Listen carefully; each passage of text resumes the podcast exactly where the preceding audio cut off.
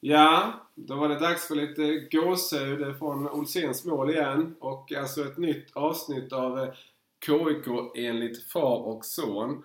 Eh, och eh, nu är det ett litet uppehåll ett par dagar till här efter de första 12 eh, hockeyallsvenska omgångarna. Och eh, vi har eh, gett lite synpunkter på KIK på lite olika sätt, eller hur Max? Eh, ja, jag har gått igenom eh, lagdelarna i stort och tagit ut KIKs bästa femma hittills enligt mig plus målvakt och du har? Jag har då satt eh, mina högst personliga betyg på samtliga KIK-spelare. Eller de som jag anser har spelat tillräckligt mycket för att jag kan ge en eh, rättvis bedömning då. Men det ska vi komma till så småningom. För först så tänkte jag vi skulle titta lite i stora drag på, på KIK som, som lag och även gå in lite på det som du Max eh, har skrivit. Jag rekommenderar er att läsa den om ni inte redan har gjort det. En fjärdedels summering som den heter. Eh, och då tänkte jag först, eh, vi var ju inne lite på det när, när eh, Fredrik Hansson gästade oss förra eh, podden. Väldigt trevligt Hasse. Tack så mycket för det. Eh, att eh, hur kan eh, KIK förvandlas så radikalt från 0 av 18 till 16 av 18 med snudd på, alltså, eller riktigt nära, att det skulle bli 18 av 18 poäng. Nu med lite distans till det hela Max, eh, hur ser du på den förvandlingen? Alltså förvandling tycker jag väl inte att det var i stort eh, i och med att man ändå spelade bra i stora delar utav inledningen när man hade sin förlustsvit också men man eh, rättade till spelet utan puck och Alltså man började med grundaren därifrån och eh, kunde bygga vidare på det fina spel man redan hade med puck och när man satte grunden defensivt så gav man inte motståndarna 3, 4, 5 mål per match utan man höll dem till 1-2 och då ökar ju chansen att vinna radikalt. Så eh, förvandlingen var väl helt enkelt att man eh, slutade ge bort tre mål per match som kändes ganska onödiga. Man började eh, vara noggranna med detaljerna och eh, ja, tog det säkra och det viktiga först och sen kunde man bygga vidare på sitt fina anfallsspel som man har visat upp hela säsongen. Ja, och apropå detaljer så tänkte jag nästa fråga här gå in lite på målvaktssidan och eh, där har du hyllat Joel Gistedt som efter hans eh, framgångsrika karriär här i KIK har stannat kvar som målvaktstränare och han har jobbat och mycket... Videocoach. Och videocoach. ja. Och han har eh, jobbat mycket med detaljerna med KIKs målvakter. Ja, det var redan eh, förra året eh, Kalle Klang som har sagt ut i media och Rögle också att man är evigt tacksamma för arbetet som Joel Gistedt gjorde med Kalle Klang under hans säsong här i Kristianstad. Och det är likadant nu med eh, även Mattias Pettersson förra året. Och det är likadant nu med eh, Dishov och eh, Lindbom att han jobbar eh, väldigt noggrant med detaljer. Man nöter träning efter träning, samma grejer för att bli helt hundra på det. Och så är det en liten, liten detalj om man ska kanske bredda med en halv centimeter hur brett man ska stå så är han där och petar på det. Och målvakten är eh, eh, godtagbar, man liksom accepterar, man vill ta den hjälpen, de unga vill utvecklas. Så eh, samspelet mellan Gistet och eh, det unga målvaktsparet är väldigt bra. Och Gistet har ju erfarenheten, har kunskapen själv från det och eh, många kanske har problemet att eh, man pratar på en annan nivå än de man eh, tränar liksom. Men Gistet anpassar till nivån och är väldigt pedagogisk och tydlig. Och gör det enkelt att förstå för sina målvakter vad de ska jobba med. Eh, så Joel Gistet har en viktig del i eh, själva KIK-framgångssagan just nu och även i hela stora ledarstaben. Och sen sa ju Mikael Gart när han eh, gästade oss också här i premiärpodden så sa han att till den här säsongen har det gjort lite skillnad där också att Joel Giset är också mer involverad i boxplay-spelet då mm. än förra säsongen. Ja, um, alltså det jag gillar det är att målvakterna ska ju få vara involverade i hur boxplay ska spelas. Så jag kan nästan garantera att eh, Dishov och Lindbom får vara med och eh, ha sina synpunkter på hur boxplay spelas. Det kan vara om man vill stänga centralt och man låter spelarna ta skotten från sida liksom målvakter har kanske sina favoriter var skotten ska komma ifrån. Och då så pratar man det tillsammans med sin boxplaygrupp eh, för att styra liksom motståndarens powerplay dit man vill ha det. För att göra som lättast både för de som är på isen, utespelarna och sin målvakt. Ja. Eh, apropå målvakt också så eh, var det ju så att eh, eh vid eh, juletid eh, förra året eh, så, så, var ju Kalle Klang då, eh, så försvann han ju från KIK till junior-VM och nu lite senare än jul, i början på februari, så är det ju ett OS här och Fredrik Dischow, han var ju tredje målvakt när eh, Danmark kvalificerade sig till OS. Men eh, som läget är nu Max så behöver vi kanske inte vara så oroliga att eh, KIK ska stå där bara med eh, Olof Lindbom. Eh, nej, det är ju Fredrik Andersen som har bytt eh, Toronto med Caroline. NHL är väl NHLs hetaste målvakt just nu och han kommer ju stå i OS men han hade en eh, skada som gjorde att han inte deltog i kvalet. Men eh, han kommer att vara med i OS-truppen. Och sen är ju Sebastian Dam, eh, eller Dam, ganska given också. Så stod det väl mellan Dishov och eh, Mats Sogard om att ta tredjeplatsen. Sogard är född 00 och eh, Dishov 01. Så det är framtidsnamn båda två. Så det är väl lite vem av de två som de väljer som ska både följa med för att lära men även att de slåss om att vara den tredje bästa målvakten i Danmark just nu.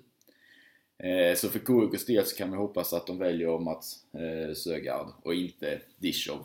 För då eh, är det ändå 6-7 matcher någonstans som spelas i Allsvenskan under OS-uppehållet. Där KUK i så fall, eller under OS där det inte är ett uppehåll för Allsvenskan. Där KUK då står utelämnade med bara eh, som han gjorde med Pettersson förra året när Klang försvann. Ja, vi, vi missunnar på inget sätt eh, Fredrik Discher och få uppleva ett OS men eh, han Förhoppningsvis så har han fler OS framför sig och för KIKs del, om vi nu talar för KIKs bästa, så är det klart eh, det bästa om, eh, om Fredrik Dischow stannar på hemmaplan och är med hela säsongen. För det är väl inte bara så att det kanske är OS som då börjar i början på februari där och eh, håller på. Och det spelas i Kina, de har förmodligen ja, rejäla ja. karantänsregler ja, fortfarande ja. för att åka in i landet utan att veta ja. det just nu. Och så är det pre-camp innan OS. Och, ja, precis. Så eh, jag tror det blir väl en månads tid kanske, även om turneringen bara två veckor. Så är det väl åtminstone en månads tid eh, med både före och efter som eh, sugs upp i anknytning till OS. Ja, och eh, jag skrev ju ett inlägg här tidigare om eh, att Dishov kunde ställa till det. Ja, ja, ni förstår vad jag menar. Eh, för, för KIK då, om han nu skulle bli uttagen till eh, eh OS. Men eh, då var ju som sagt Fredrik Andersen eh, skadad. Men, men, nu är han ju som du säger Max, som har stenkoll på NHL. Eh, NHLs hetaste målvakt. Så att eh, då, då sover vi kanske lite tryggare som KIK-anhängare här nu om vi blickar framåt till början på februari. Ja, det är Just nu i alla fall. Men eh, Dishov, eh, alltså man kan ju säga såhär, vi vill att han ska vara bra i KIK och då eh, kan han ju spela till sig en OS-plats. Så det, är det ena, väger, det ena väger upp det andra liksom. Det, men för Fredriks skull önskar jag inget annat än att han får åka på OS. Såklart en jäklig upplevelse. Danmarks första OS genom tiderna. Ja, så, ja, ja. Ja, jag, jag hoppas ni förstår vad jag menar. Jag säger det än en gång, jag missunnar på inget sätt Fredrik Dischow. Men det blir ju lite samma ja. för Dischow som det blir för Kalle Klang i JVM. Ja. Eh, då var det ju Hugo Alnefelt och Jesper Wallstedt som var rankade som topp 2-målvakter förra året. Och Klang som tredje. Nu i år kommer ju Klang slåss med Wallstedt om första spaden. Eh, Dischow eh, kommer inte vara första målvakt. Andersen är given första målvakt och Dan är väl given andra målvakt om han nu kommer med. Så det är ju lite samma roll. Men eh, uppleva ett OS och vara OS-byn är ju ändå ja. liksom en eh, stor grej i en karriär kan man tänka. Ja. Eh, över till backsidan Max och eh, jag skulle vilja säga så här att eh, enligt mig så har eh, KIK de optimala backparen nu sett till de tre senaste matcherna. Alltså då Flobo, Raman, Gran, Krupic och eh, Olsen Olsén, Nordlund. Håller du med mig? Eh, ja, det går väl inte att säga emot så som det har sett ut. Man har eh, hittat eh, konstellationen konstellationer som funkar. Ett extremt spelskickligt eh, backpar i eh, Flug och Raman. Och sen så Nordlund har fått en enkel resa in, eller ska säga, för att spela med Ulsén nu när han kommit in i laget. Eh, Ulsén är ju extremt jäkla bra. Nordlund också. Sen Krupic Gran kompletterar varandra väl. Krupic kan släppa loss än mer i offensiven och Gran är trygg men även bra han i att kunna transportera pucken. Så nu är det bra uppställt men jag tycker att eh, backsidan är ändå så pass eh, bra ihopsatt att eh, hur man än har satt backparen nu så hade det sett bra ut. Sen hade du din hackkyckling på Buraman och Krupic ja, i början. Jag tycker inte att det backparet var ett problem men det har kanske blivit ett lyft nu ändå när man har särat på dem. Framförallt Krupic som kan släppa loss och spela sitt spel lite till än vad han kanske vågade med eh, Buramando. Det var en likadan typ som han själv är.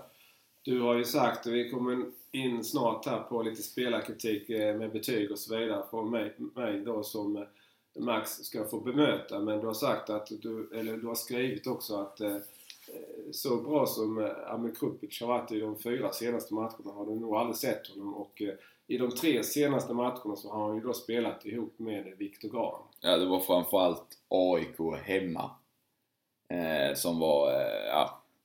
Eh, då var Amir Krupic väldigt bra om man säger så. Men då hade han lite extra tändvätska också. Ja, och det sa han när jag pratade med honom efter liksom att eh, så som han eh, blev behandlad och var uppe i Stockholm förra säsongen så eh, var det, för att citera Krupic, jävligt skönt att slå det laget.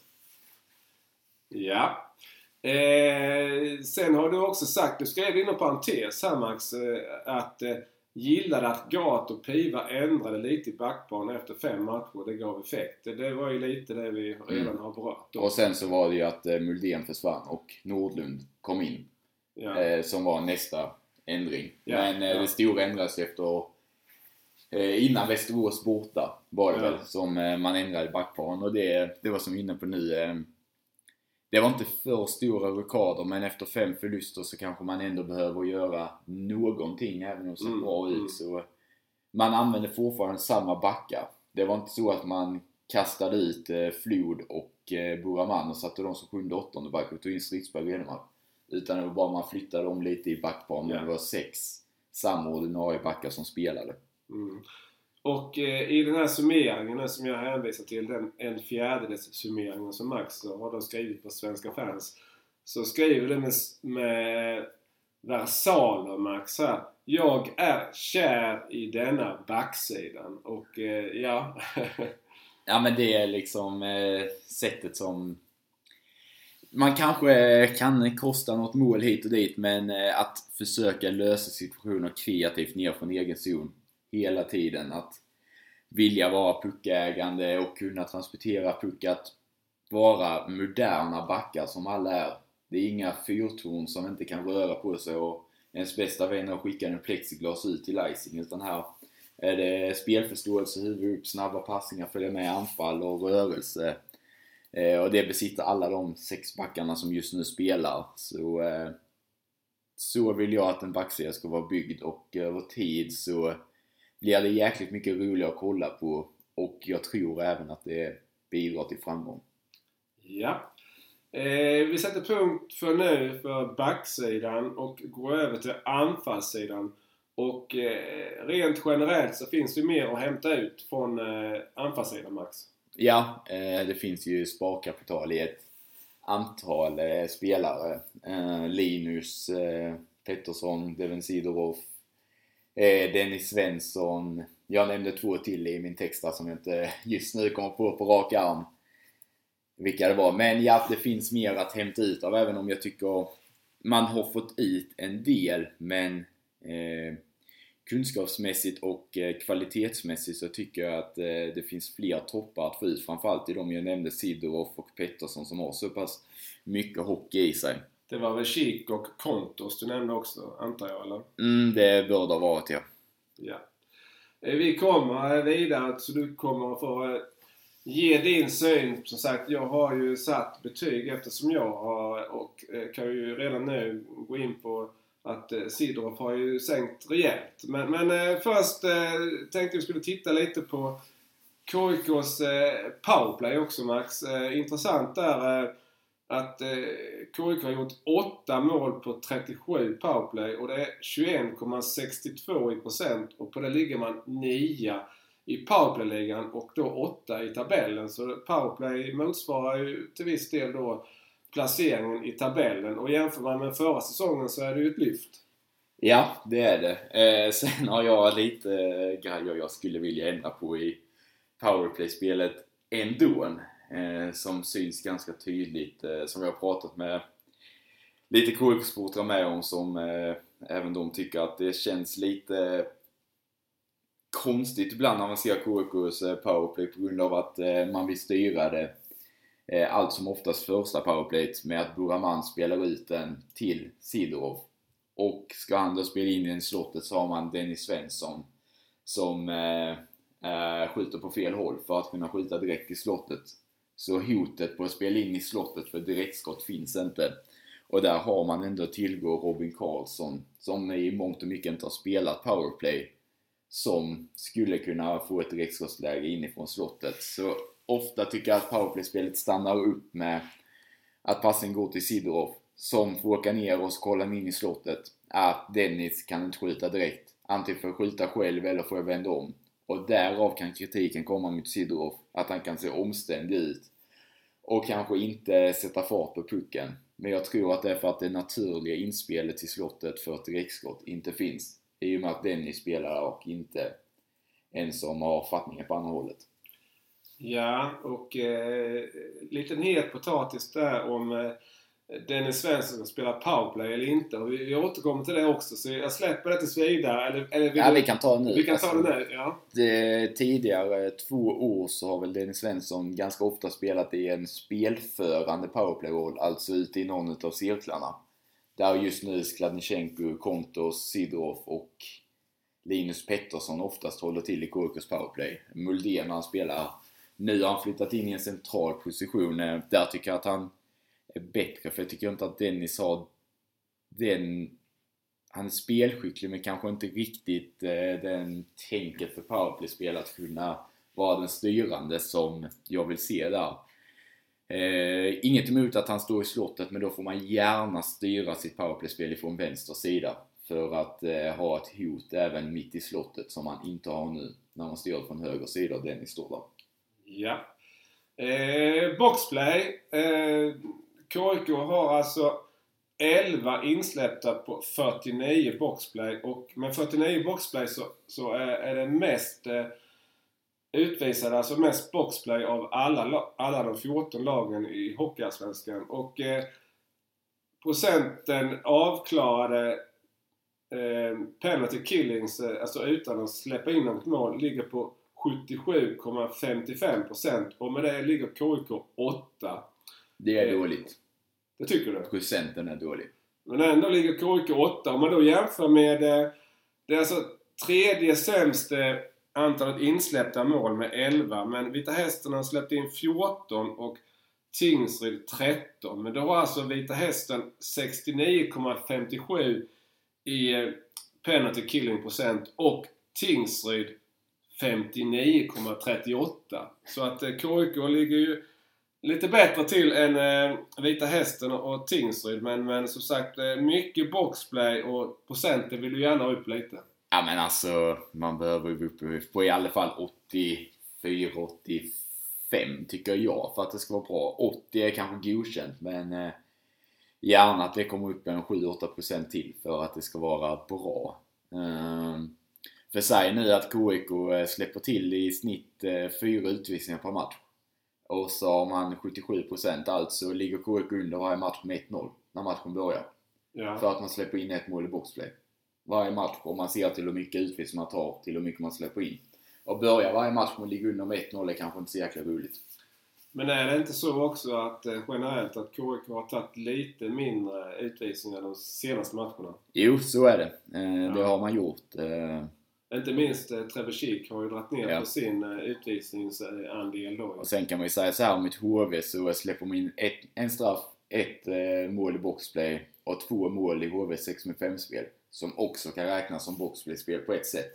Så eh, ja, det kanske finns eh, något att jobba på i boxplay-spelet. Jag har inte kollat något nämnvärt på boxplay-spelet för jag tycker KIK spelar så jäkla roligt med pucken så jag är mer fokuserad på det. Mm. Men eh, vi kan väl ta en liten koll på det om tre matcher denna veckan och återkomma i kommande podcast. Absolut. Eh, en, en annan, eh, om man nu ska säga det för framgångsfaktor för KIK här nu, det är att KIK har varit relativt förskonade från skador. Vi har ju tyvärr en, en eller KIK har ju tyvärr en långtidsskada på Simon Eriksson. Det är ju inte alls säkert att han kommer kunna spela någon hockey överhuvudtaget den här säsongen eftersom han fick bakslag på den skadan han fick under försäsongen. Eh, Theo Nordlund har ju kommit tillbaka som vi sa och eh, spelat i de tre senaste matcherna och riktigt bra kommit in i spelet där. Och eh, Gustav Olaver han kom tillbaka lagom till den, den hockeyallsvenska premiären. Han var ju 13 man eh, de två första matcherna men har spelat sen de tio senaste i, som ordinarie i en kedja. Eh, och sen har vi, vad vi har läst eh, enligt Kristianstadsbladet så, så har ju, eh, som Gata har sagt, eh, Sidorf har varit lite sli... Seidorf, säger man. Han har varit lite sliten och eh, haft lite småskavanker. Det är väl ungefär där som, som KIK hittills har drabbats av skador. Och det, Mm. det, det får man säga, det är rätt så lite ändå. Ja, och det är viktigt eh, för KIK framförallt eh, att det är så. Eh, Man kan ju ta sista veckan innan seriepremiären, eh, Nybro i sista träningsmatchen. Var det 10 ordinarie KIK-spelare som spelade matchen ungefär. De var i alla fall 10 stycken på träningen, ordinarie spelare. Och på matcher kan du väl härda ut att du bara har 12 forwards och 6 backar, men eh, träningskvaliteten så vill du gärna ha 20 spelare för att kunna ha fyra hela femmor. Eh, för att kunna hålla uppe nivån på dina träningar hela tiden. Eh, så det är viktigt att KIK inte är skadedrabbade. Dels med sin tunna trupp, dels med att eh, glappet mellan KIKs juniorlag och A-laget är eh, alldeles för stort mot vad man hade hoppats att det skulle vara. Eh, så viktig del att eh, skadenivån för KUK är eh, ganska så låg. Eh, eh, sen är det såklart så för alla lag, men eh, ännu mer för KUK som har så pass tunn trupp. Nu har man i och för sig två stycken extra backar och två stycken extra forwards i truppläget just nu. Och det är väl ganska så snarlikt mot hur de flesta lagen bygger sina trupper. Eh, att man har två, tre forwards kanske, mer än vad som spelar i en ordinarie lineup på två backar mer. Men som sagt, skillnaden är ju att KIK inte har något juniorlag att plocka från. Ja, och sen är det väl så också att eh, Theo Nordlund, han eh, kanske inte hade kommit till KIK om inte Simon Eriksson ha, hade dragit på sig den här långtidsskadan då. då i, I första läget så var det att han var borta preliminärt hela säsongen och sen då eh, nu efter det bakslaget då eh, fick göra om operationen att eh, han kanske blev borta hela säsongen. Som sagt, och då, och då agerade ju Gat och tog in Theo Nordlund. Och sen så har ju KIK också fått hem, inom citat, Alexander Moldén spelade ju nio första matcherna men nu har han ju gått tillbaka till Malmö igen. Mm. Ja. Eh, sen är det ju så, konkurrenssituation. Eh, har man bara 12 forwards att tillgå så minskar ju såklart konkurrenssituationen. Nu har KIK 14 friska forwards att tillgå. 8 friska backar att tillgå. Det är en back, en forward som ställs utanför laget varje match. Det höjer nivån, det höjer träningskvaliteten på det man gör och det är viktigt. Eh, så över tid så funkar det inte på något sätt att bara ha precis lagom antal spelare för att kunna spela matcher. Utan både för träningskvalitet, konkurrenssituation och allting så är det viktigt att man har någon lite extra gubbe liksom att leka med. Ja, nu var jag nära att fråga vidare på det här temat men vi kommer till spelare som kan bli berörda av det här och kanske inte tar plats och, och kanske som eh, man behöver ta in i laget nu efter vad, vad eh, vederbörande har presterat. Eh, utan att säga för mycket. Så att, eh, för nu tänkte vi skulle gå in i nästa fas i, i den här avsnittet av KIK enligt far och son. Och som ni kanske har sett så har jag ju gått igenom Kristianstads Kristianstad IKs spelartrupp och satt betyg på dem. Och samt de spelare som jag anser då att jag har kunnat sätta ett betyg på, att, att jag har sett dem tillräckligt mycket för att sätta ett betyg. Eh, och ehm, jag kommer nu och ge betyget och eh, Max han ska få kommentera om han håller med eller inte. Och sen så har jag en fråga som vi eh, mer eller mindre tar upp som vi diskuterar utifrån. Ja, och vi ska väl tillägga att eh, vi kör skala 1 till 5 och 1 betyder? Hockeyettanivå. 2. Godkänd eh, hockeyallsvensk nivå. 3. Eh, bra hockeyallsvensk nivå. 4. Mycket bra hockeyallsvensk nivå. 5. Rickard Ulfsén-nivå. Ja. Då kör vi och eh, då börjar vi med eh, Olof Lindbom. Och han har jag då satt 2,5 på. Eh, jag eh, håller väl med. Eh, 2,5. Han är godkänd, mellan godkänd och bra. Eh, jag tycker att han är potential för att bli eh, bra. Ehm, tuff start men har sett bättre och bättre ut och framförallt viktigt att han också har fått stå här nu när säsongen har vänt och man tagit sina segrar. Så båda målvakterna kommer in i fortsatt spel här med gott självförtroende. Ja, och min eh, fråga då vad gäller Olof Lindbom det är Håller Olof Lindboms plockhandske på HA-nivå? Ja. Det får du utveckla. Ja men eh, man kan säga så här, det finns en stor skillnad i hur eh, Lindbom och eh, använder sin plockhandske. Dels så har Dishov sin på höger sida och Lindbom sin på vänster men Dishov använder sin eh, nästan som ett eh, för att skrämma motståndaren. Eh, han har vinklat upp den nästan som Henrik Lundqvist gjort. Att han plockar inte utan han använder sin plockhandske som en stöt. Att den är så pass stor och använder som en täckning istället för att plocka skotten. Allt, ganska ofta. Medan Lindbom är mer att jobba på reflex att plocka puckarna med sin plockhandske. Han har släppt lite mål där men eh, jag tycker att det är inget problem som är så pass stort att det ska vara avgörande. Eh, det kanske är hans svaghet men alla målvakter har någon svaghet. Ja. Hur som helst så har ju Lindbom sen, eh, jag går tillbaka till det igen, ispremiären där han släppte in ett antal puckar på, på eh, plockarsidan och även första träningsmatchen så har han gått framåt. Mycket med hjälp av, som vi sa då med Joel Gisted som har nött detaljer med Mm. Lindbom. Ja, då går vi vidare till eh, Fredrik Dishov och där har jag satt en trea. Jag håller med. Ja. Och min fråga på Dishov är Är det inte dags att Dishov blir uttalad förstekeeper? Nej. Och det motiverade med? Eh, båda, styck, båda två har en winstreak just nu. Lindbom har, eh, eller Lindbom förlorade i och för sig sin senaste match. Men det var mot HV och han gjorde en bra match. Men eh, båda har sett bra ut och jag tycker att eh, de har sporrat varandra riktigt härligt hittills. Så låt det gå en 4-5 matcher till. Dela nu Dishov kanske onsdag, Lindbom fredag, Dishov lördag. Och sen tar man därefter och ser om någon verkligen tar tag i första spaden. För än så länge tycker jag att det är lite för jämnt skägg och man eh, faller inte på att de eh, varierar på målvaktssidan just nu. Eh, jag känner ingen panik att redan nu uttala en första målvakt. Om man, du, du pratar om jämnt skägg här Max. Tittar man på räddningsprocenten på statistiken så har alltså Fredrik Dishov 90,15 och Olof Lindbom 89,94. Så Ja. det är väldigt jämnt. Ja, det är liksom och eh, Dishov har stått sju matcher, Lindbom fem.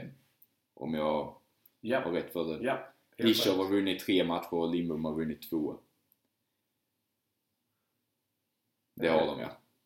Det stämmer i huvudet från mig. Så eh, det är bara att eh, jobba vidare på eh, som det ser ut. Dischow har vunnit mot Vita Hästen, Västerås och Tingsryd. Lindbom har vunnit mot AIK två gånger och tagit poäng mot HV.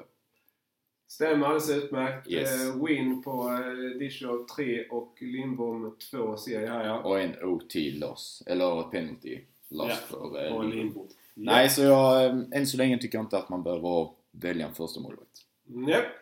Då går vi över på backsidan och eh, jag tar spelarna i bokstavsordning här. Eh, eh, Gustav Buraman har jag 3,5 på.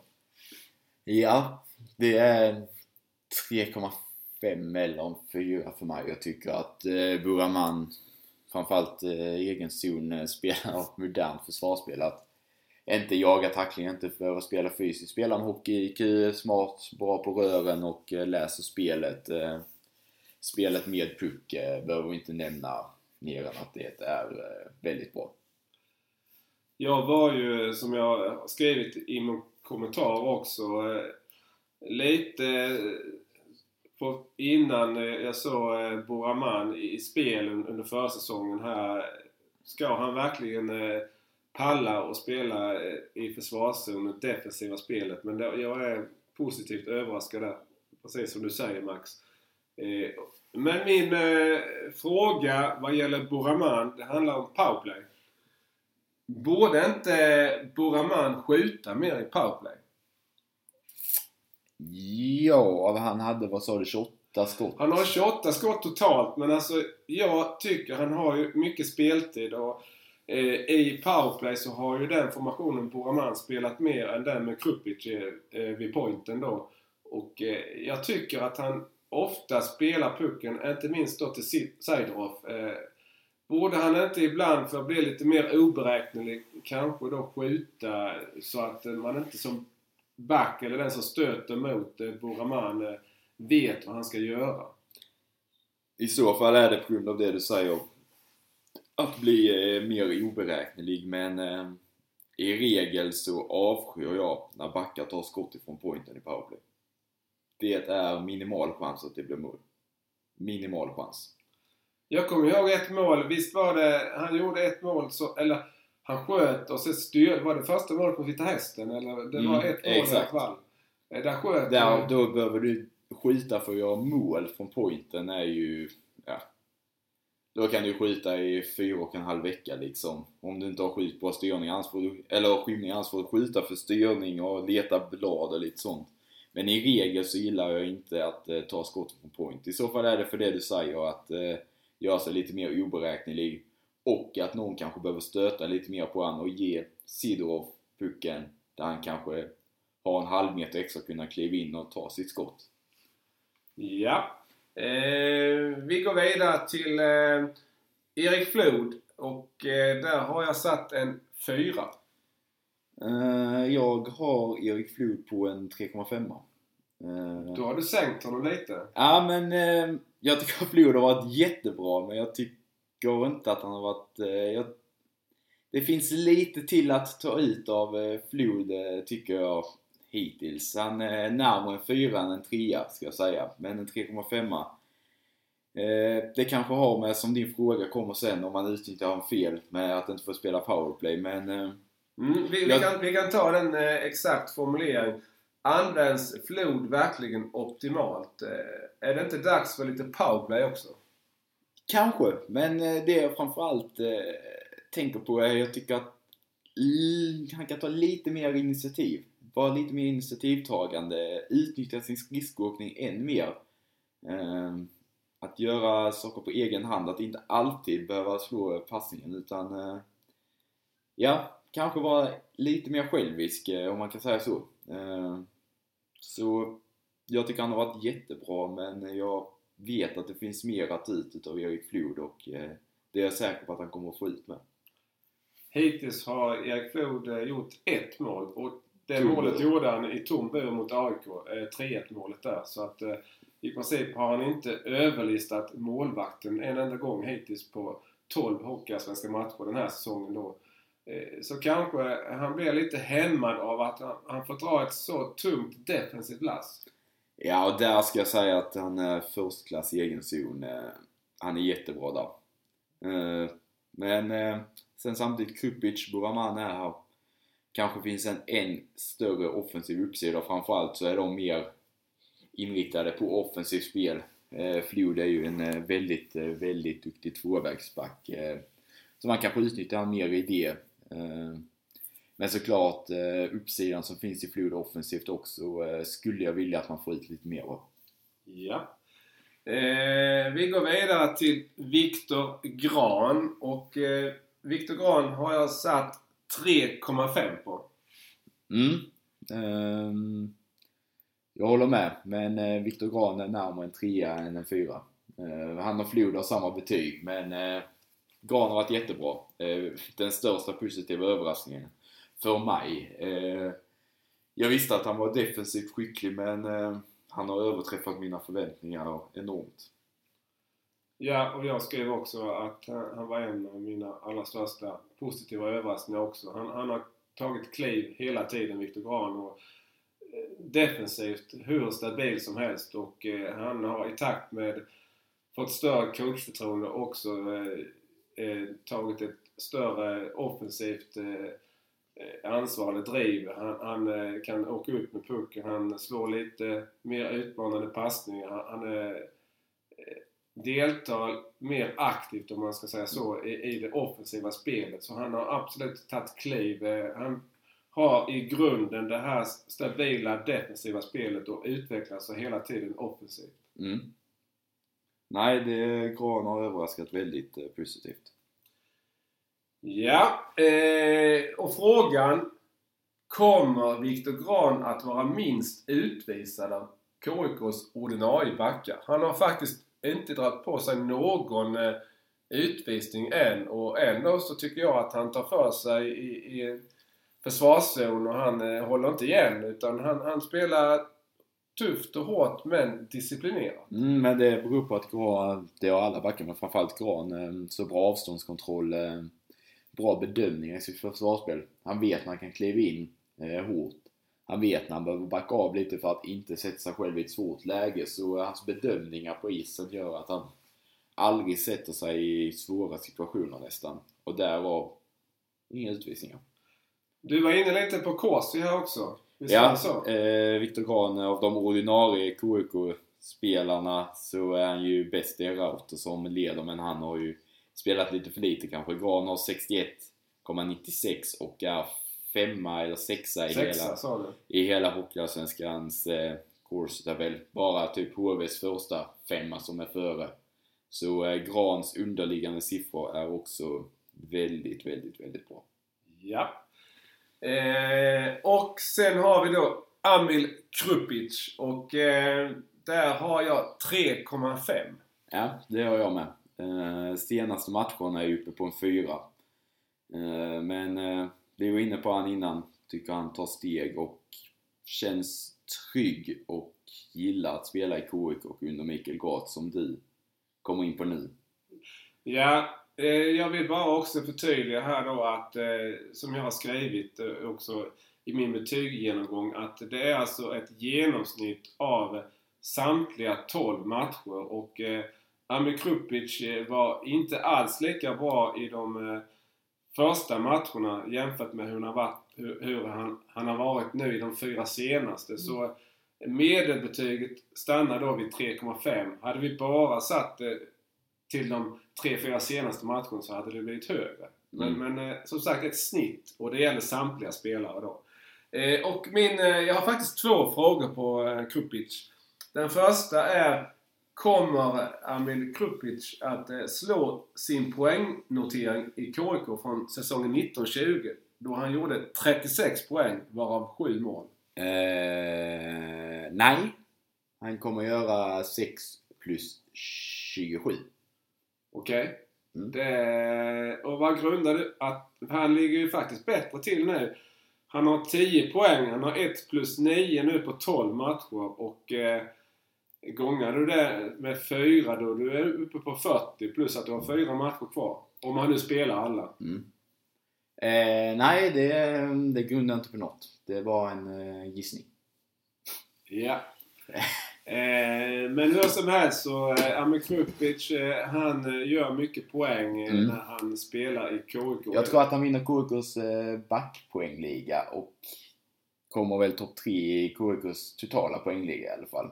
Eh, kan mycket väl komma upp i 36 poäng med, men eh, någonstans mellan eh, 30 till 35 skulle Ja. jag tro. Du sa 33 då? Mm. 6 plus 27. Ja. Jag hade en fråga till på Krupic. Eh, Varför trivs eh, Amin Krupic så bra i KIK och med GAT? Eh, Gat och Krupic har ju en lång historia bak i tiden. Ända sedan Rögle juniortid och annat. Eh, jag tror att eh, Krupic eh, gillar Gats ledarskap och Gat vet vad han får av Krupic. Gat kan sätta kraven på Krupic och sånt. Och sen tror jag att det är liksom så. Han har två försök nu, både Vita Hästen och AIK. Vita Hästen gick väl kanske bättre än AIK, även om det inte gick superbra där heller. Men två relativt misslyckade utflykter från Kristianstad. Och så har han gjort det bra med Kristianstad. Han varit här och tagit steg. Eh, varför han lyckas här just specifikt, eh, jag har inget bra svar på. Men det, jag tror han är trygg här och eh, Mikael och han passar väldigt bra ihop. Eh, det är väl min eh, gissning på detta.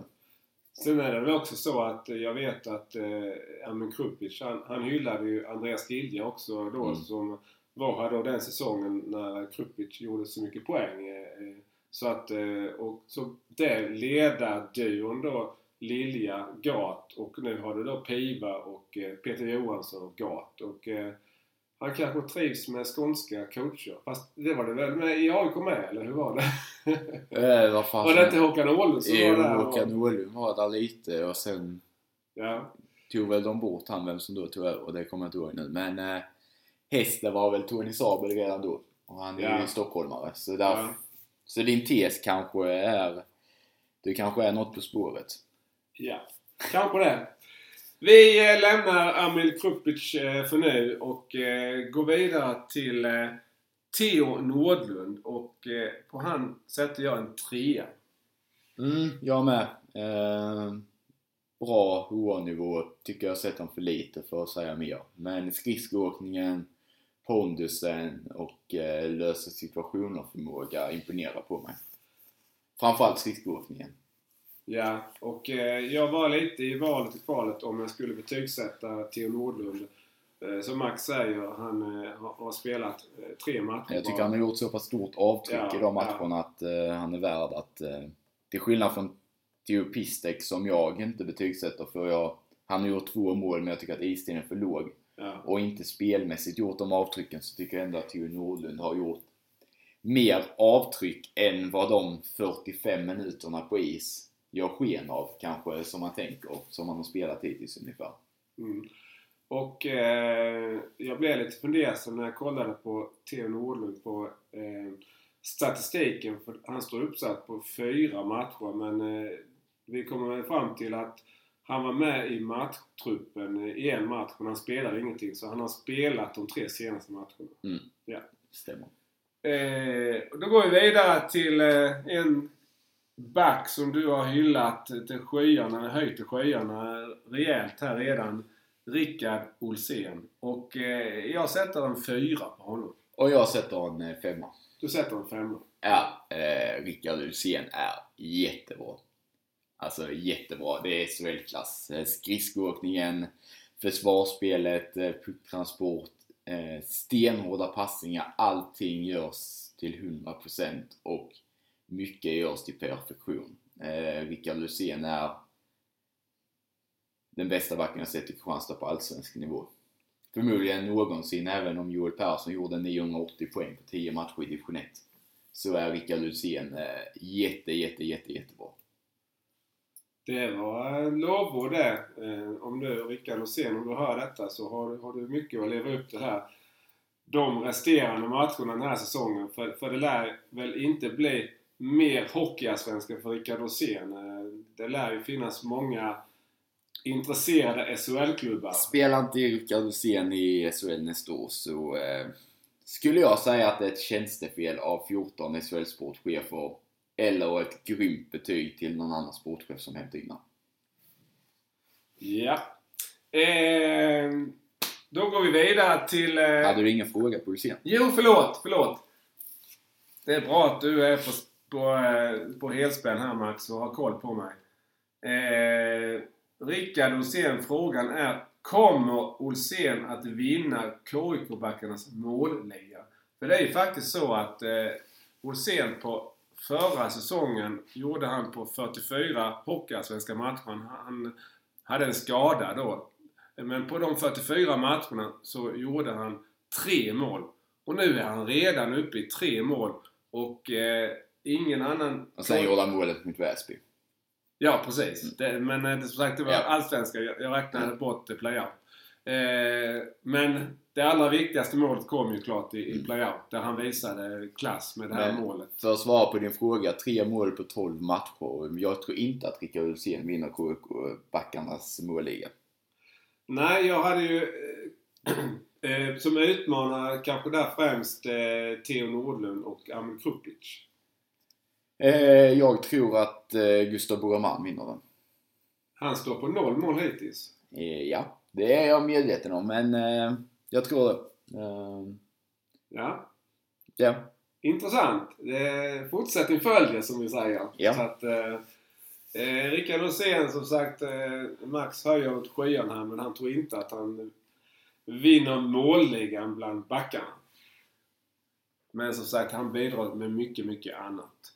Eh, Isak Renemark, eh, där eh, har jag satt ett streck för att jag, jag känner att eh,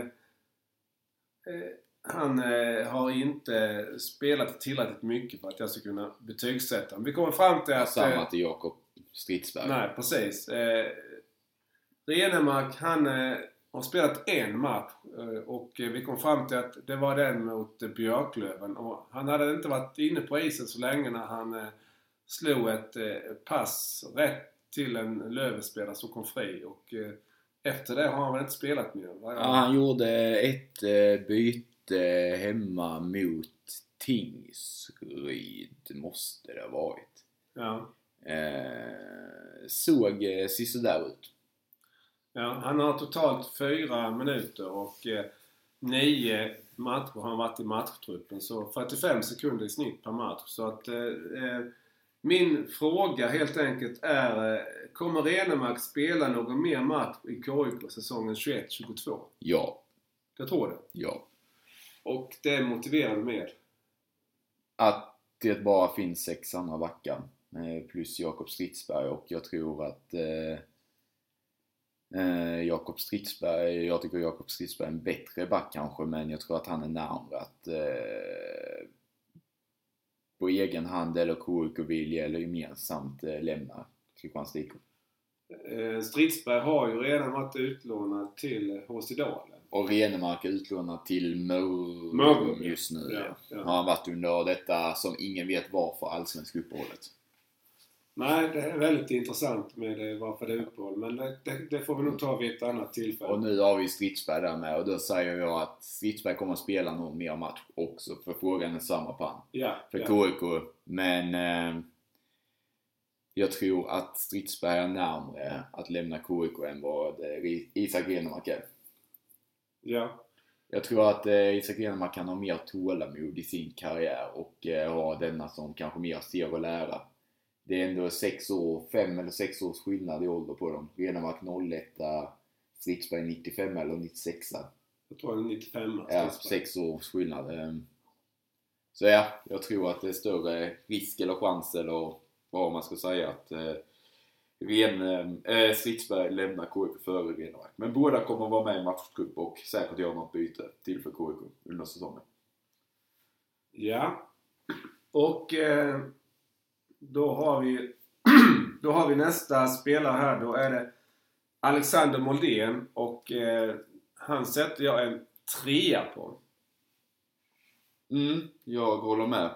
Ehm, um, gjorde vad han skulle, stack inte ut. Um, eh, nu var ju det just spe, speciellt med Alexander Muldén, men ett SHL-lån i övrigt kanske man ville få ut lite mer av än vad KHP fick av Alexander Moldén. Nu gör han det jättebra i Malmö, by the way. Eh, har spelats in i laget och eh, spelar sina 14-15 minuter på match och gör det bra.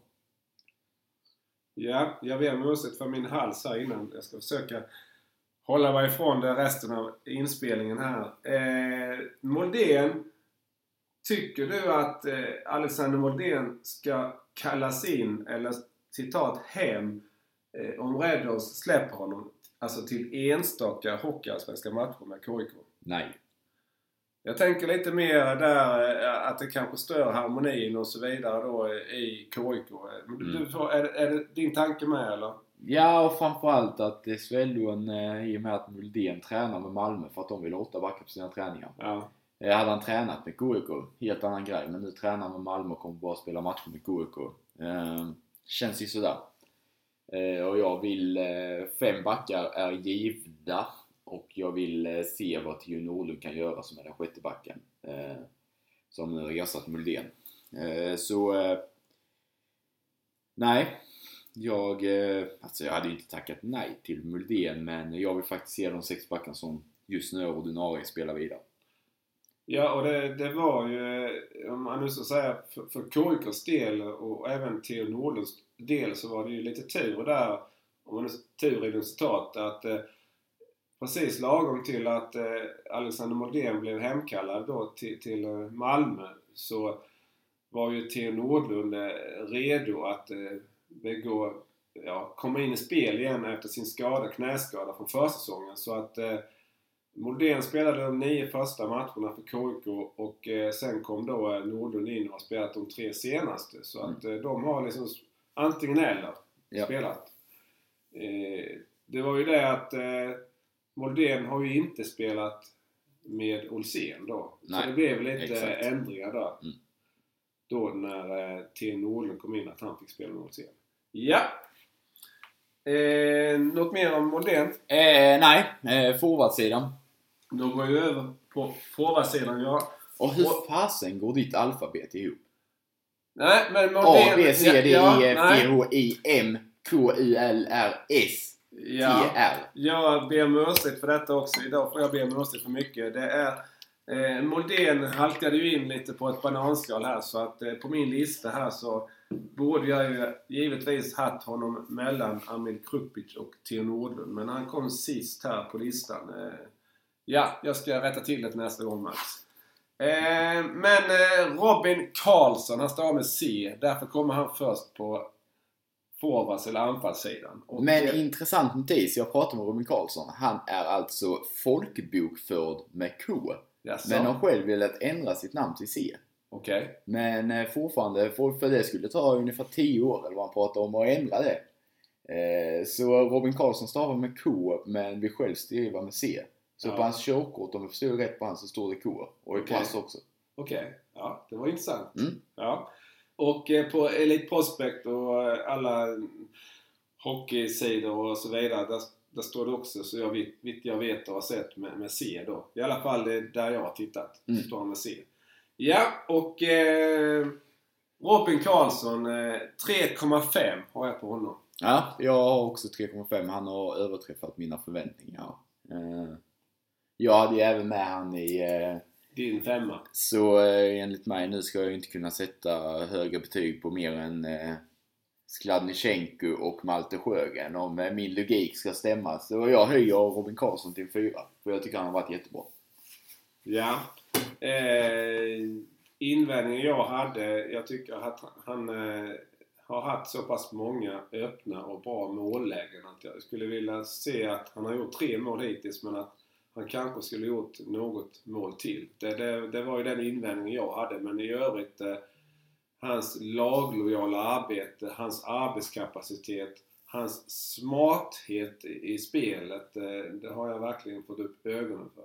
Mm. Men det är du som har hjälpt mig att göra det. Men, eh, Men jag ser det som att jag gillar att Robin Karlsson tar sig till lägena. Alltså, eh, det känns över tid bättre än med någon som har gjort eh, sex mål men haft sex målchanser.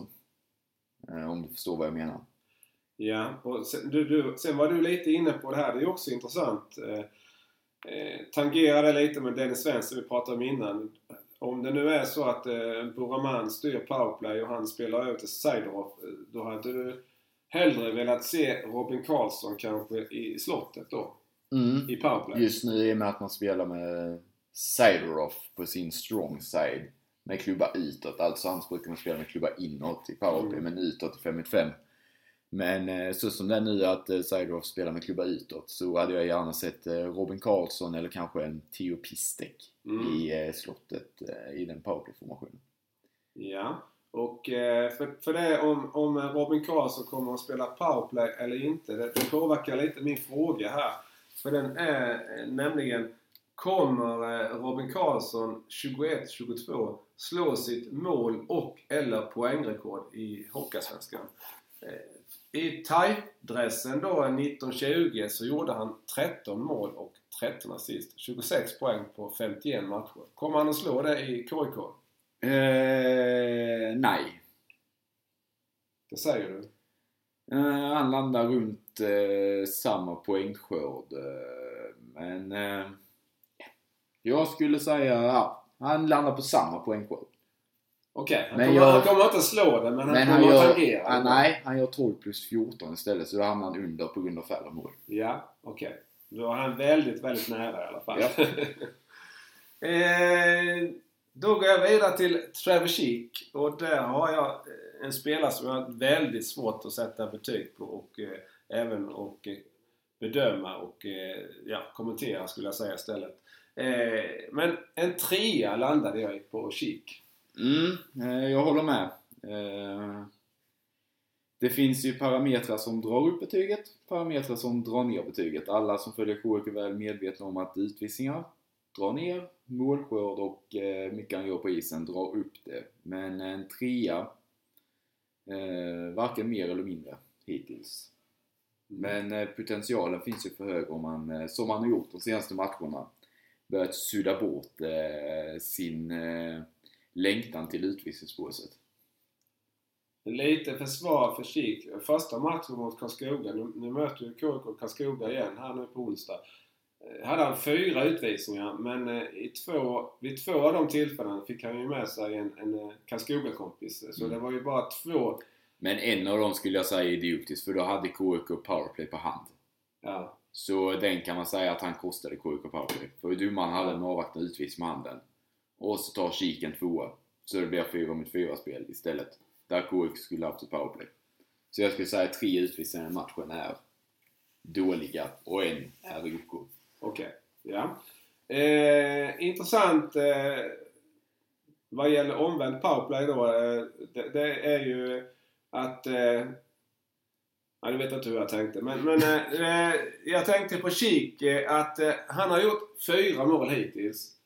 Men eh, tre mål i, i powerplay. Och det, det är intressant. Så frågan är ju då, kommer Kik att göra över 10 mål i powerplay i Hockeyallsvenskan för KIK? Mm, ja. Det tror du? Ja. Han är så pass bra. Han, han tar ju den positionen framför mål där. Mm. ehm, I och med att eh, nu har Seidorf inte fått till de passningarna, men både Seidorf och Buraman som vi var inne på är skickliga på att kanske inte skjuta rätt i mål utan hitta bladet.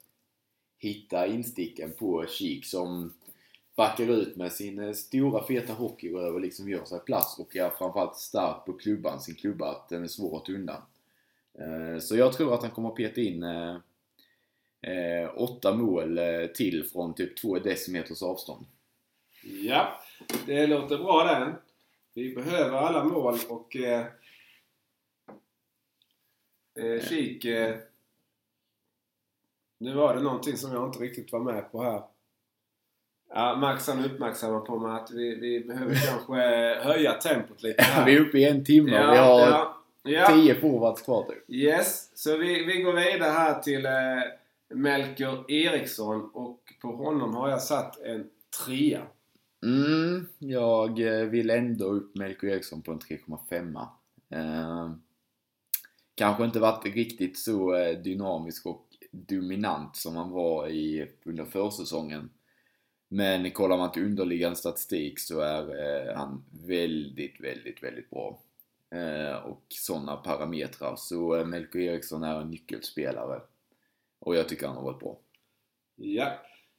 Eh, ni som vill läsa mina kommentarer och motiveringar och så vidare kan ju läsa, för jag har ju skrivit dem på Svenska fans. Så släpper vi fram Max här nu så att vi inte ska bli för långrandiga. Jag behöver inte rabbla mitt igen här nu utan eh, Max får kommentera mina spelarbetyg.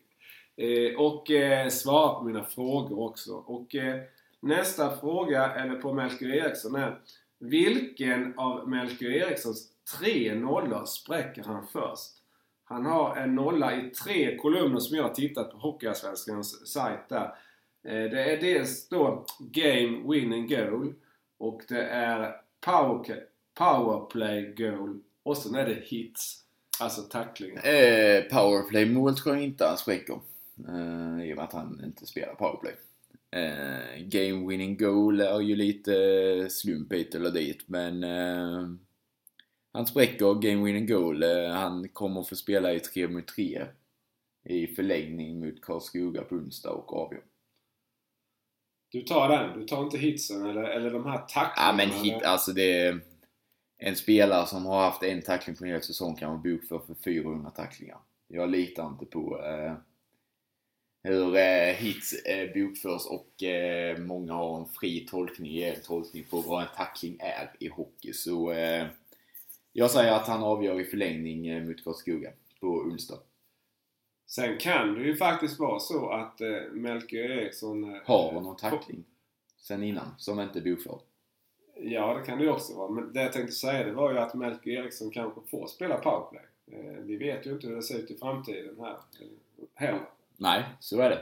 Ja. Men, eh, Jag hade, jag hade faktiskt eh, en fråga till på Melker Eriksson. Eh, Han kommer ju från Rögle BK och eh, har totalt eh, spelat 24 matcher med Rögle BK förra säsongen och 14 säsongen innan. Totalt 38 matcher där. Eh, kommer Melker Eriksson att bli utlånad till Rögle BK under säsongen 21-22? Eh, nej, jag vet inte fasen. Samarbetet mellan KIK och Rögle verkar ju lite ha gått i graven. Eh, Eh, vi har ju Muldén som är KIK och Dennis som är utlånad till Malmö så det känns ju som eh, KIK har bytt eh, Skånelag att samarbeta med. Eh, men sen eh, under eh, JVM, nu har jag ju inte kollat upp om Österrike är med, men Marco Kaspar där, eh, William Strömgren spelar ju inte i Rögle, jag vet inte om han kommer med i JVM. William Wallinder back, han lär väl komma med men i så fall runt junior-VM-perioden att han skulle komma med där Mm. eh, i Rögle. Men jag tror inte att han kommer att spela med Rögle detta året. Nej. Eh, vi får, eh, vi ska ju ha Mikael Gart som eh, eh, gäst eh, åtminstone en gång till under den här säsongen. Så att vi får väl ställa den frågan till Gart helt enkelt hur det är med samarbetet med Rögle BK. När vi pratade med Mikael Gart här innan i premiärpodden så, så sa han ju att eh, han hade inga planer då på att eh, ta in någon spelare från Rögle BK. Mm. Så vi, vi, vi passar på den tills vidare och väcker den till liv när vi eh, sitter här med eh, Mikael Gart. Ja. Eh, då går vi vidare till eh, Herman Hansson och eh, Max har ju skrivit en hyllningstext här till Herman Hansson och Malte Sjögren. Så mina eh, frågor här de eh, gäller faktiskt båda två. Men först ska jag sätta ett betyg Ja. också. Idag är, får Max hålla ordning på mig här. Eh, Herman Hansson har jag 3,5 på. Mm, jag håller med. Ja, bra.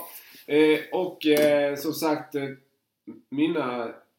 Har jag en fråga då på Herman eh, som eh, gäller duon då eh, Hansson och Sjögren och likadant på Sjögren då också en fråga om duon. Så att eh, då är, lyder den som följande här. Kommer firma 77 Hansson och 61 Sjögren göra fler än 20 hockeyallsvenska mål tillsammans 21-22? Ja.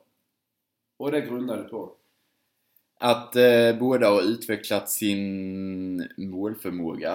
Eh, alla har alltid haft hög volym, alltså, eller båda två har alltid haft hög volym, att de skapar lägen och nu är de bättre avslutare, de skapar fortfarande lika många lägen. Så eh, ja, eh, jag kan se att båda två gör eh, tvåsiffrigt antal mål denna säsongen och då gör de i 20. Ja. Hittills då på 12 matcher så har Malte Sjögren gjort 4 mål och Herman Hansson 3. Ja, och så kan man ju ta... Ja, då blir det ju... Det över 7 och så 60 blir det... matcher blir det... 36 matcher blir det 21.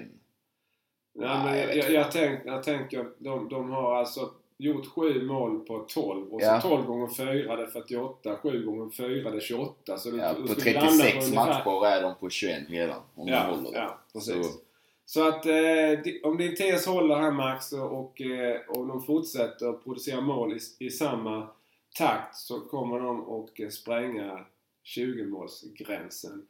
Och faktum är också så att eh, de brukar kunna, framförallt Malte Sjögren, brukar kunna peta in ett och annat mål i tom kasse också. Mm. I boxplay. Ja. Eh, jag går vidare till eh, Christoph Kontos och där har jag 2,5. ja, jag har en trea.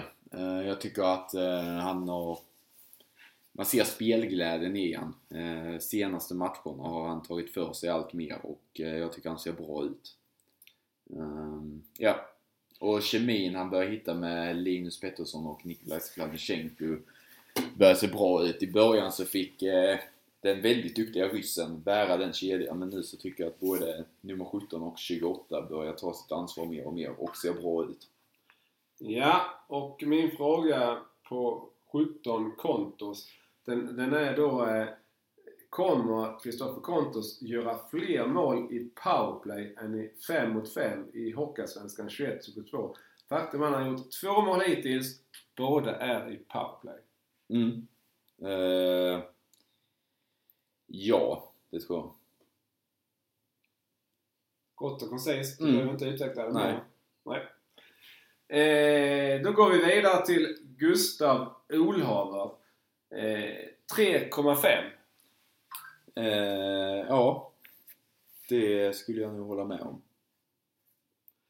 Gustav Olhaver har ju, det känner ni till, eh, historien. Han bröt käken på, på försäsongen och eh, visste inte hur lång rehabiliteringen var men han kom tillbaka eh, lagom till den Hockeyallsvenska premiären, var med som 13 forward där och eh, har sen eh, kom in som ordinarie kedjespelare i tredje omgången. Har 10 poäng på 10 matcher som det Precis, 10 poäng på 10 matcher. Så min följdfråga är helt enkelt Kommer Gustav Olöver att vinna KIKs interna poängliga 21-22?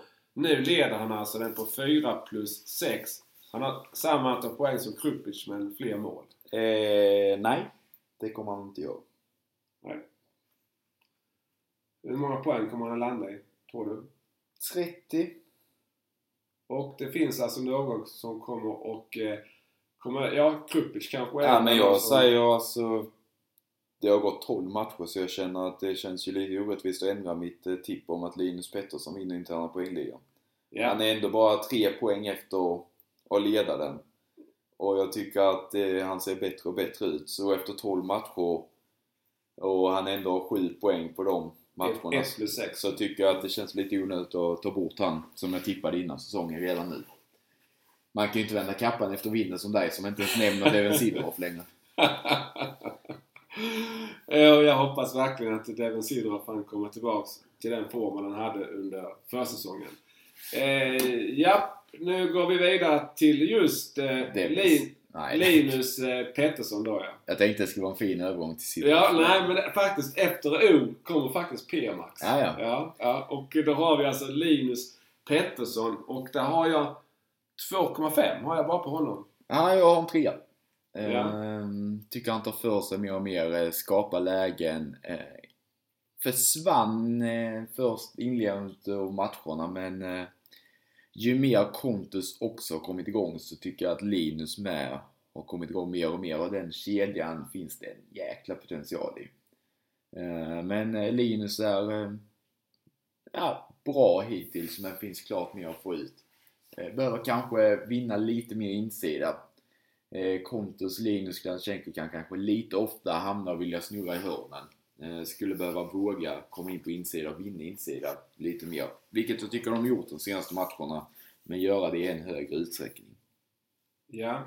Linus Pettersson eh, gick ju mållös av sina 11 första matcher men gjorde mål då senast mot eh, Tingsryd så eh, där spräckte han sin målnolla i KIKs hockeyallsvenska dress eh, och eh, sju poäng totalt ja.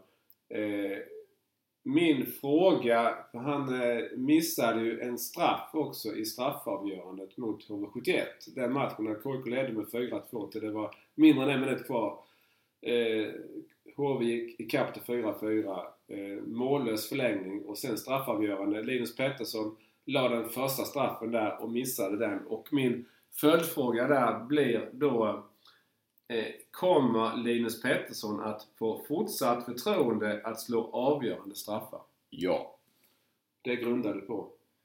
Han är en väldigt duktig straffskytt. Uh, ja. Ja, det räcker så. Mm. Vi kommer ihåg, eh, jag måste bara få säga det igen. eh, Det målet han gjorde på ispremiären, visst var det på en straff? Ja. Eh, när han eh, la pucken eh, mellan benen. Han och- kommer från vänster, vänder om till eh, och backar.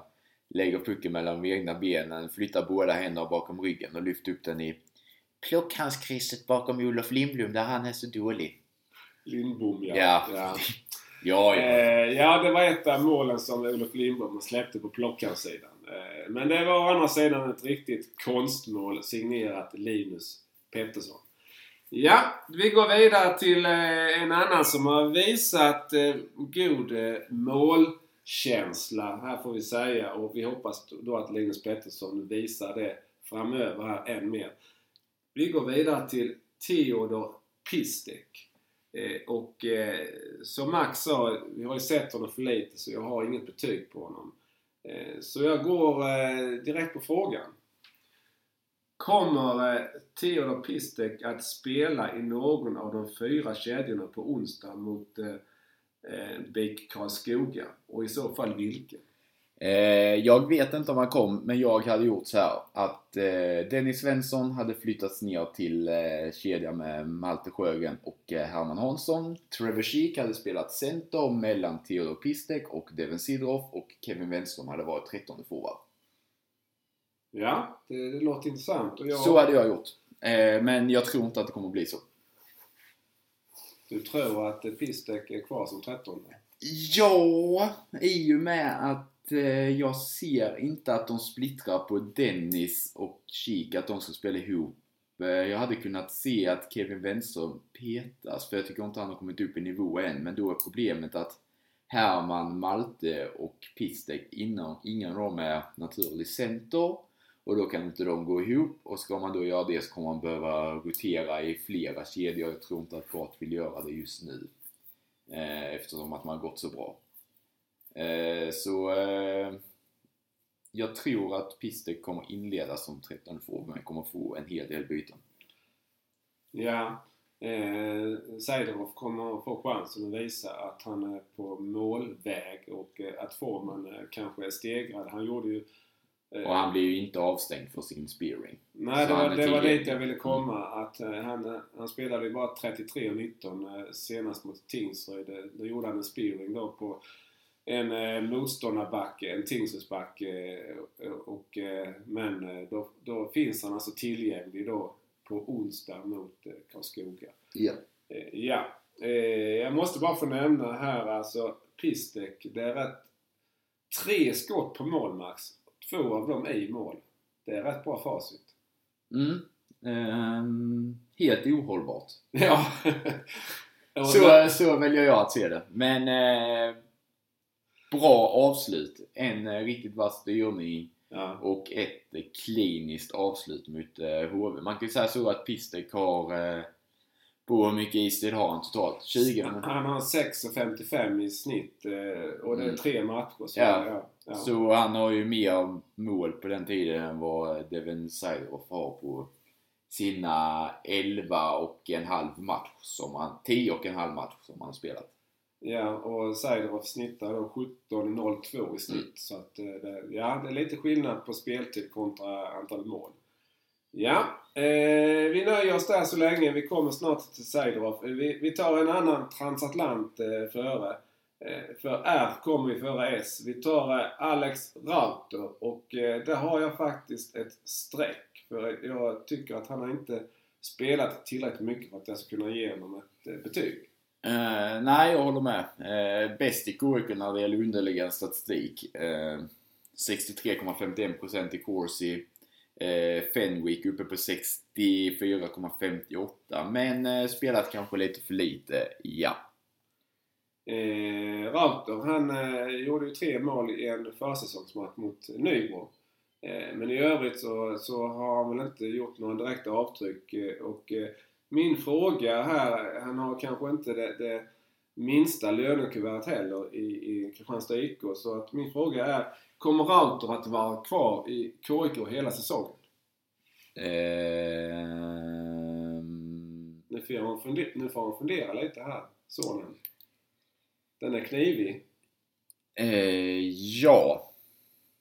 Du tror för, det är för att eh, det känns ju på något sätt som att Rauter är den här killen som, som liksom kämpar för, för att ta sig in i laget. Han Mm. kan vara med på träningarna och bidra Och han och är vidare. jäkligt eh, bra kille. Alltså, Ja, ja. Sen är det ju så här att dessvärre så värvar Hade Rauter varit svensk och haft eh, den personligheten och allting och varit så trevlig och, då hade det inte varit någon fråga om det. Men eh, det blir ju en lite annan dimension i det hela när det är en transatlant som importvärvning som inte platsar. Alltså, man vill ju inte att en eh, importvärvning ska vara en breddspelare kanske på det sättet utan nej. den ska vara mer spets. Men eh, ja, jag, magkänsla så tror jag ändå att eh, Rauter blir kvar. Eh, så länge inte KIK värvar igen för då eh, är det väl han som ligger närmast. För 15 forwards så inte KIK kommer gå med. Så Nej. kommer det in ytterligare en forward och ingen annan. Så för blir jag långtidsskadad vad som så är väl Rauter då närmast eh, att kanske lämna. Mm. Det var ju... Eh, KIK hade ju då bara 13 anfallare eh, tills eh, Theodor Pistek kom in. Men eh, nu då med, med den unge tjecken i laget så, så 14 eh, anfallare. Då är det ju en som, om alla nu är fit for fight, en som är på läktaren helt enkelt i varje match. Mm. Så att, samtidigt som du sa så en viktig aspekt eh, att det ska vara konkurrens om platserna på träningen. Så, så att eh, det, det, det finns många aspekter och parametrar att väga in i det hela. Ja, eh, nu Max så har vi kommit till Devon Sideroff och eh, där har jag alltså sänkt från en fyra till en tvåa. Mm, det känns lite väl drastiskt. Det tycker du ja? Mm. Ja, en 2,5 eller 2,5. Ja. Eh, min fråga är, alltså, för du sa så här Max att eh, när jag frågade för tre matcher att eh, jag säger att han gjorde fem mål under försäsongen. Eh, han har inte gjort ett mål än. Är det någon fara på taket? Nej, kom tillbaka om eh, KIK har spelat 7-8 matcher och han inte har gjort mål. Och det dröjde ju faktiskt eh, i, i hans... Eh, han stod ju över matchen, han vilade matchen mot eh, HV. Men i hans elfte match då så gjorde han sitt första mål. Så att det har ju verkligen dröjt för Devin Seidorf att göra mål i den hockeyallsvenska dressen för Kristianstad IK. Så min fråga är, eh, kommer eh, Seidorf ens att göra 10 mål den här säsongen i Hockeyallsvenskan? Ja, det kommer han göra. Han kommer alltså nu, nu kommer det bara gå uppåt eh, jämfört med de här första 12, eller han har spelat 11 de matcherna. Jo, det tror jag. Ehm, han har inte skapat så mycket lägen som han gjorde under försäsongen eller någonting. Har inte alls varit lika bra. Men eh, jag tror att det målet eh, lyfter han. Eh, jag tror att han kommer upp i 10 mål. Ja. Som sagt, klockan går så att jag kunde pratat mer om den hockeyallsvenska gåtan i Kristianstad IK Devin Sidorf. Men eh, ni, får, ni, ni som eh, är sugna på att läsa lite mer tankar där kan ju då läsa på Svenska fans där jag skrivit om detta. Så vi går över eh, till eh, Malte Sjögren och om Malte Sjögren och Herman Hansson har ju Max skrivit en hyllning som vi nämnde innan i samband med eh, Herman Hansson och eh, jag sätter 3,5 på Malte. Ja, jag sätter 4. Jag tycker Malte har varit jättebra. Eh, skapar lägen, lägger ner jobbet. Eh, hur han tänker och åker och läser spelet utan puck framförallt. Eh, och sen alltid förflytta spelet ner. Eh, även börjat producera. Ja. Eh, nej, en fyra på Malte Sjögren har jag. Mm. Och eh, som jag sa här innan då om, eh, de är ju en duo. Spelar både tillsammans i 5 mot 5 spelet och i boxplay. Så min, min fråga här. Eh, jag hade ju en duo-fråga där på, innan på Herman och det blir en ny duo-fråga nu på Malte Sjögren. Kommer eh, Sjögren och Hansson spela ihop i samma kedja under hela 21-22?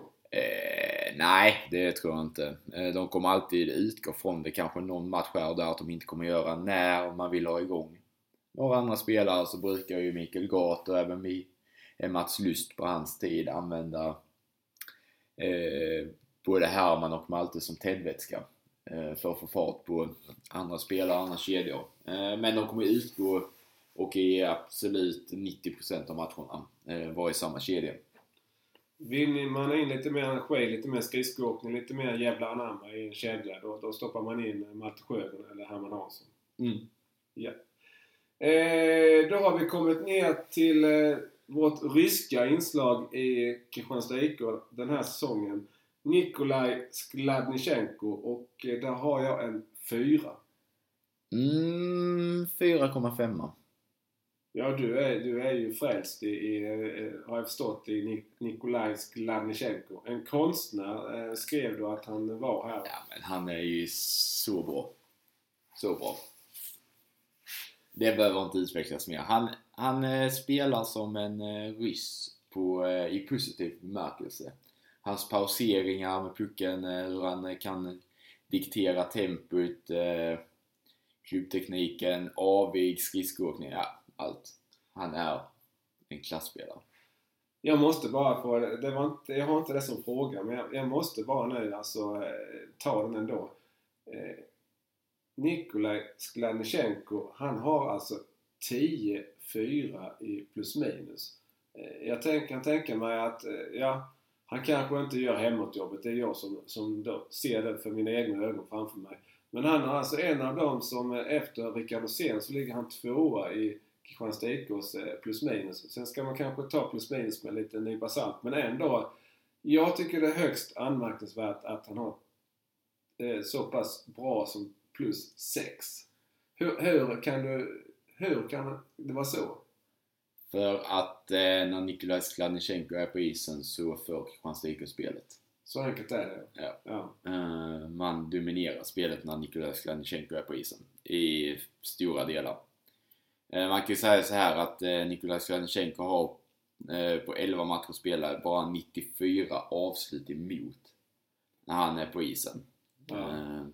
Vilket är väldigt, väldigt bra. Man kan ju ta eh, Dennis Svensson uppe på 116 och så liknande och så liknande. Så han har väldigt låga. Robin Karlsson har 110, Gustav Olof 114, Kontus 111. ja. Så han snittar ju 2-3 avslut mindre emot per match. Och det är för att KIK för spelet när han är på isen. KIK är mer i offensiv zon Mm. helt enkelt. Ja. Eh, och apropå offensiv och eh, Nikolaj Skladnichenko. Du sa ju här på försäsongen Max att eh, Skladnichenko kommer att göra 20 plus mål den, här- den här säsongen. Och eh, eh, ja, kommer han att göra det? Han ska alltså göra 17 mål på 40 matcher som är kvar. Det tror jag att han gör. Ja. Men du, eh, handen på hjärtat Max nu. Ska han inte få mer speltid nu då? Alltså han snittar bara 12,42 per match. Ska han inte få vara första center? Ska han inte få spela i första PP? Ska vi inte, när vi nu har en sån klassspelare som du säger att han är. Eh, ska han inte få mer speltid då? Mer förtroende av Gat än vad han har fått hittills? Jag vill upp han på 20-22 minuter. Eh, men sen vet vi inte, Gat var inne på det i podden, att han var nere i gruvan och då efter med träningen. Ja. I han kanske precis har kommit ikapp i träningen. Jag Ja. vet inte. Eh, Men eh, hans istid kommer stiga, det är jag ganska säker på. Eh, Första powerplay. Mm, ja. Det skulle man väl kunna göra men jag, just nu har man spridning på det. Det är kanske att man än mer delar på istiden. För nu har första powerplay väldigt mycket istid. Men jag tycker att man har två jämna powerplay-formationer i hur de ser ut och eh, kvalitetsmässigt. Det var väl så under försäsongen så var ju det powerplayet då med Seidorf och Kik och Svensson, det var ju klart mycket bättre Mm. än- vad det, det då med Slanichenko, Kontos och eh, Pettersson. Men eh, nu har det mer jämnats ut då helt enkelt. Mm. Sen ska vi lägga till i försäsong så spelar Kontos ganska mycket i första powerplay. Och sen Ja. bytte Linus och Kontos. Och sen kom Alexander Muldén in istället för Linus. Så det har varit lite rotation där. Men eh, ja, första powerplay med framförallt då Kik, Svensson, Sidorov Mm. och Buraman som har varit de fyra grundspelarna där. Ja. Var bättre på försäsong för att spela mer. Men eh, nu tycker jag nästan att andra powerplay-formationen är bättre. Ja. Eh, vi kommer in på Dennis Svensson nu, lagkaptenen. Eh, affischnamnet, reklampelaren, Kristianstadssonen, KIK-produkten eh, Dennis Svensson som, som jag, eh, ja, inte sågade men eh, jag hade lite betänkligheter kring eh, hur hans eh, Hockeyallsvenska säsong 21-22 har sett ut hittills. Eh, eh och eh, hade en 3,5 efter försäsongen eh, och har sänkt till en 3 nu. Kommentar Max? Mm, jag håller med. Eh, jag köper din analys rakt av. Ehm, tycker inte han har varit så framträdande i spelet som jag hade hoppats att han skulle vara. Han gör fortfarande ett jättebra jobb både offensivt och defensivt. Men Dennis Svensson har kanske inte de offensiva verktygen för att vara första center.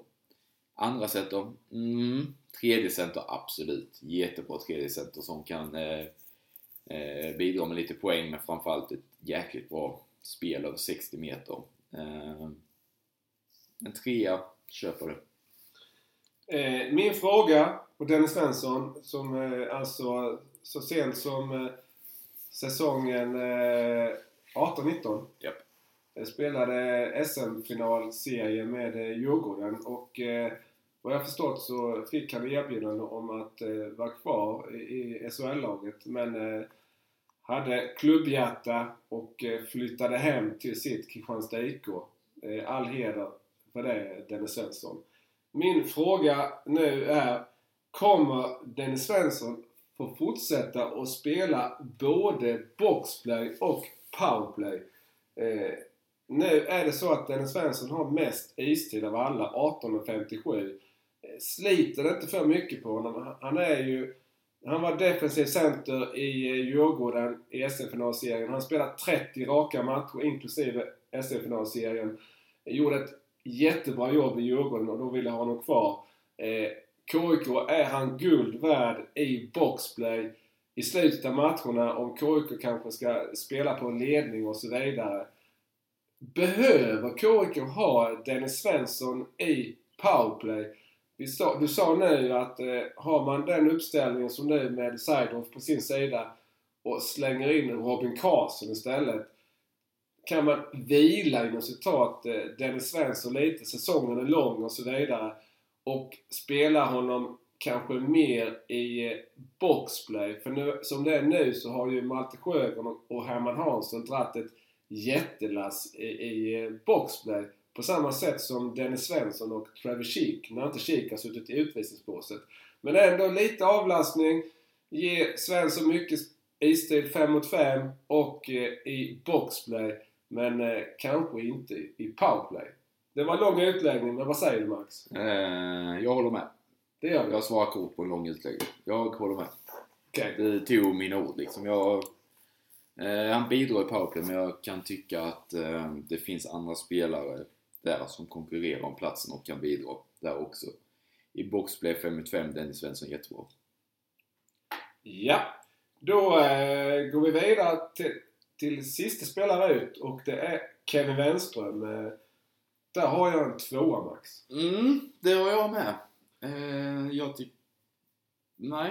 Eh, Kevin Wenström, jag du trodde han skulle ta steg till detta Ja, året och vara en jag, jag, trodde, jag trodde faktiskt det. Så att jag, Men jag, eh, alltså jag tycker han, jag vet inte, jag pratar med några andra med att han ser lite vill, alltså inte vilsen ut på isen men han kommer fel in i situationer och eh, har bränt lägen och lite sånt. Eh, ja, och även om han spelar med Malte och Herman så eh, hans siffror ser fortfarande inte jättebra ut de underliggande. Eh, ja, lite besviken på Kevin Wenström. ja, han har inte kommit, han har inte kommit till de heta lägena. Han har haft lite undanskymd roll. Boxplay är han viktig och eh, han är viktig. Han jobbar alltid hårt för laget och så vidare. Men, men eh, han har ett ruggigt bra skott. Det visar han inte minst då mot Vita Hästen. Men efter Malte Sjögrens formidabla soluppvisning där så eh, drog, drämde han iväg pucken så den satt eh, som en streck eh, där bakom Myrenberg. Mm. Det väl? Jesper Myrberg. Ja, Jesper Myrenberg. Så att eh, Kevin Wenström, han har mycket hockey i sig men han har inte fått ut det. Eh, så det motiverar en tvåa med. Och förra säsongen Max, så gjorde Kevin Wenström 10 mål. Mm. Eh, 7 assist. Min fråga är, kommer Kevin Wenström att nå upp till lika många Hockeyallsvenska mål eh, 21-22 som förra säsongen? Eh, nej. Och du motiverar det med Nej, jag tror inte att han kommer få till med istid i en offensivt gynnsam miljö eh, för att göra det. Mm, så enkelt. den eh, anfallskonkurrensen i, Kristianstad IK är ju lite vassare den här säsongen än vad den var förra säsongen. Så att, eh, och då fick han eh, spela powerplay exempelvis. Det har han väl inte fått göra så mycket nu. Nej. Eh, så att det, det är lite skillnad på vilken roll han har och så. Mm. Nej, så jag... Ja, 5, 6, 7 mål någonstans där. Men inte tvåsiffrigt antal mål tror jag inte han kommer upp i. Nej.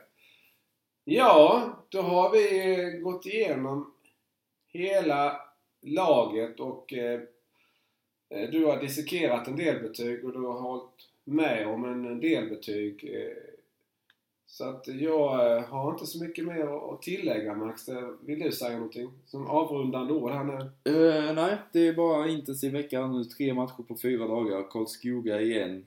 Uh, mot Karlskoga startades en negativ trend förra gången. Eh, får väl se om det görs det nu denna gången, även om eh, jag har sagt att KIK vinner förlängning efter att Melker Eriksson avgör. Eh, sen är det Troja fredag, Västervik lördag. Så eh, Västervik är bra, men KIK kommer in i en period där man möter lite sämre lag på pappret. Eh, det ska bli intressant att se om KIK nu som är mycket bättre med pucken, sitt egna spel och även har spetsen för att kunna förvalta det i år, kan dra nytta av det och samla poäng i högre utsträckning mot lagen som man ska slå än vad man har gjort tidigare. Tingsryd gjorde man det mot, Vita Hästen gjorde man det mot. Nu är det upp till bevis när man har Troja och sen kommer lite Almtuna och lite annat här på ganska så eh, snar tid efteråt. Eh, man kan väl tycka att eh, speluppehållet, eh, ja, som vi inte riktigt vet varför det, det kom, men alltså det här uppehållet på 10 dagar, att det kom olägligt för Kristianstad IK som då hade tagit 16, alltså nära 18 av 18 möjliga poäng. Eh, men det är klart att nu har man fått eh, träna och eh, Fredrik Hansson som var gäst här i förra podden sa det att han skulle inte vilja vara med på de träningarna för han trodde det skulle bli väldigt mycket skridskoåkning och så vidare. Och sen är det ju då någon spelare, kanske fler då än, än eh, den Devin som, som då drogs med lite småskavanker och var lite sliten och så. Som, som kanske också mådde bra av att få lite träningar. Theodor Pistek som precis har kommit in. Theo Nordlund har precis kommit tillbaka efter skada och så vidare. Så det kanske inte är helt fel ändå att det kommer ett uppehåll eller?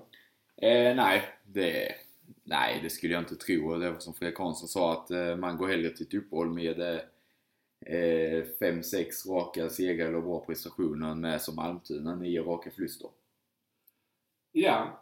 Eh, vi får helt enkelt se. Det är ju lite återstart precis som Max sa.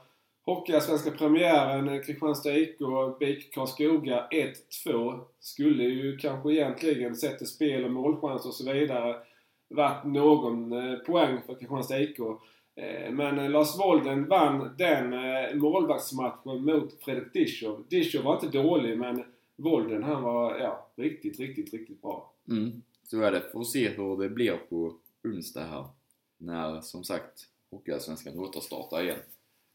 Ja, eh, ja, jag har inte så mycket att tillägga. Nej, vi är uppe i en timme och 35 minuter så... Ja, då, ja vi slår ju inte rekordet när vi hade med Fredrik Karlsson. Då var det ju 1.51 eller vad mm. det var. Men eh, vi är inte så långt ifrån. Men eh, jag tror det är dags att avrunda eh, ändå nu. Så eh, jag eh, tackar så jättemycket för att ni har lyssnat på oss och eh, Eh, Eh, att eh, hoppas att ni fortsätter att läsa våra texter så som vi skriver på Svenska fans också. Så eh, återkommer vi. Men eh, för idag så säger vi tack och hej! Tack!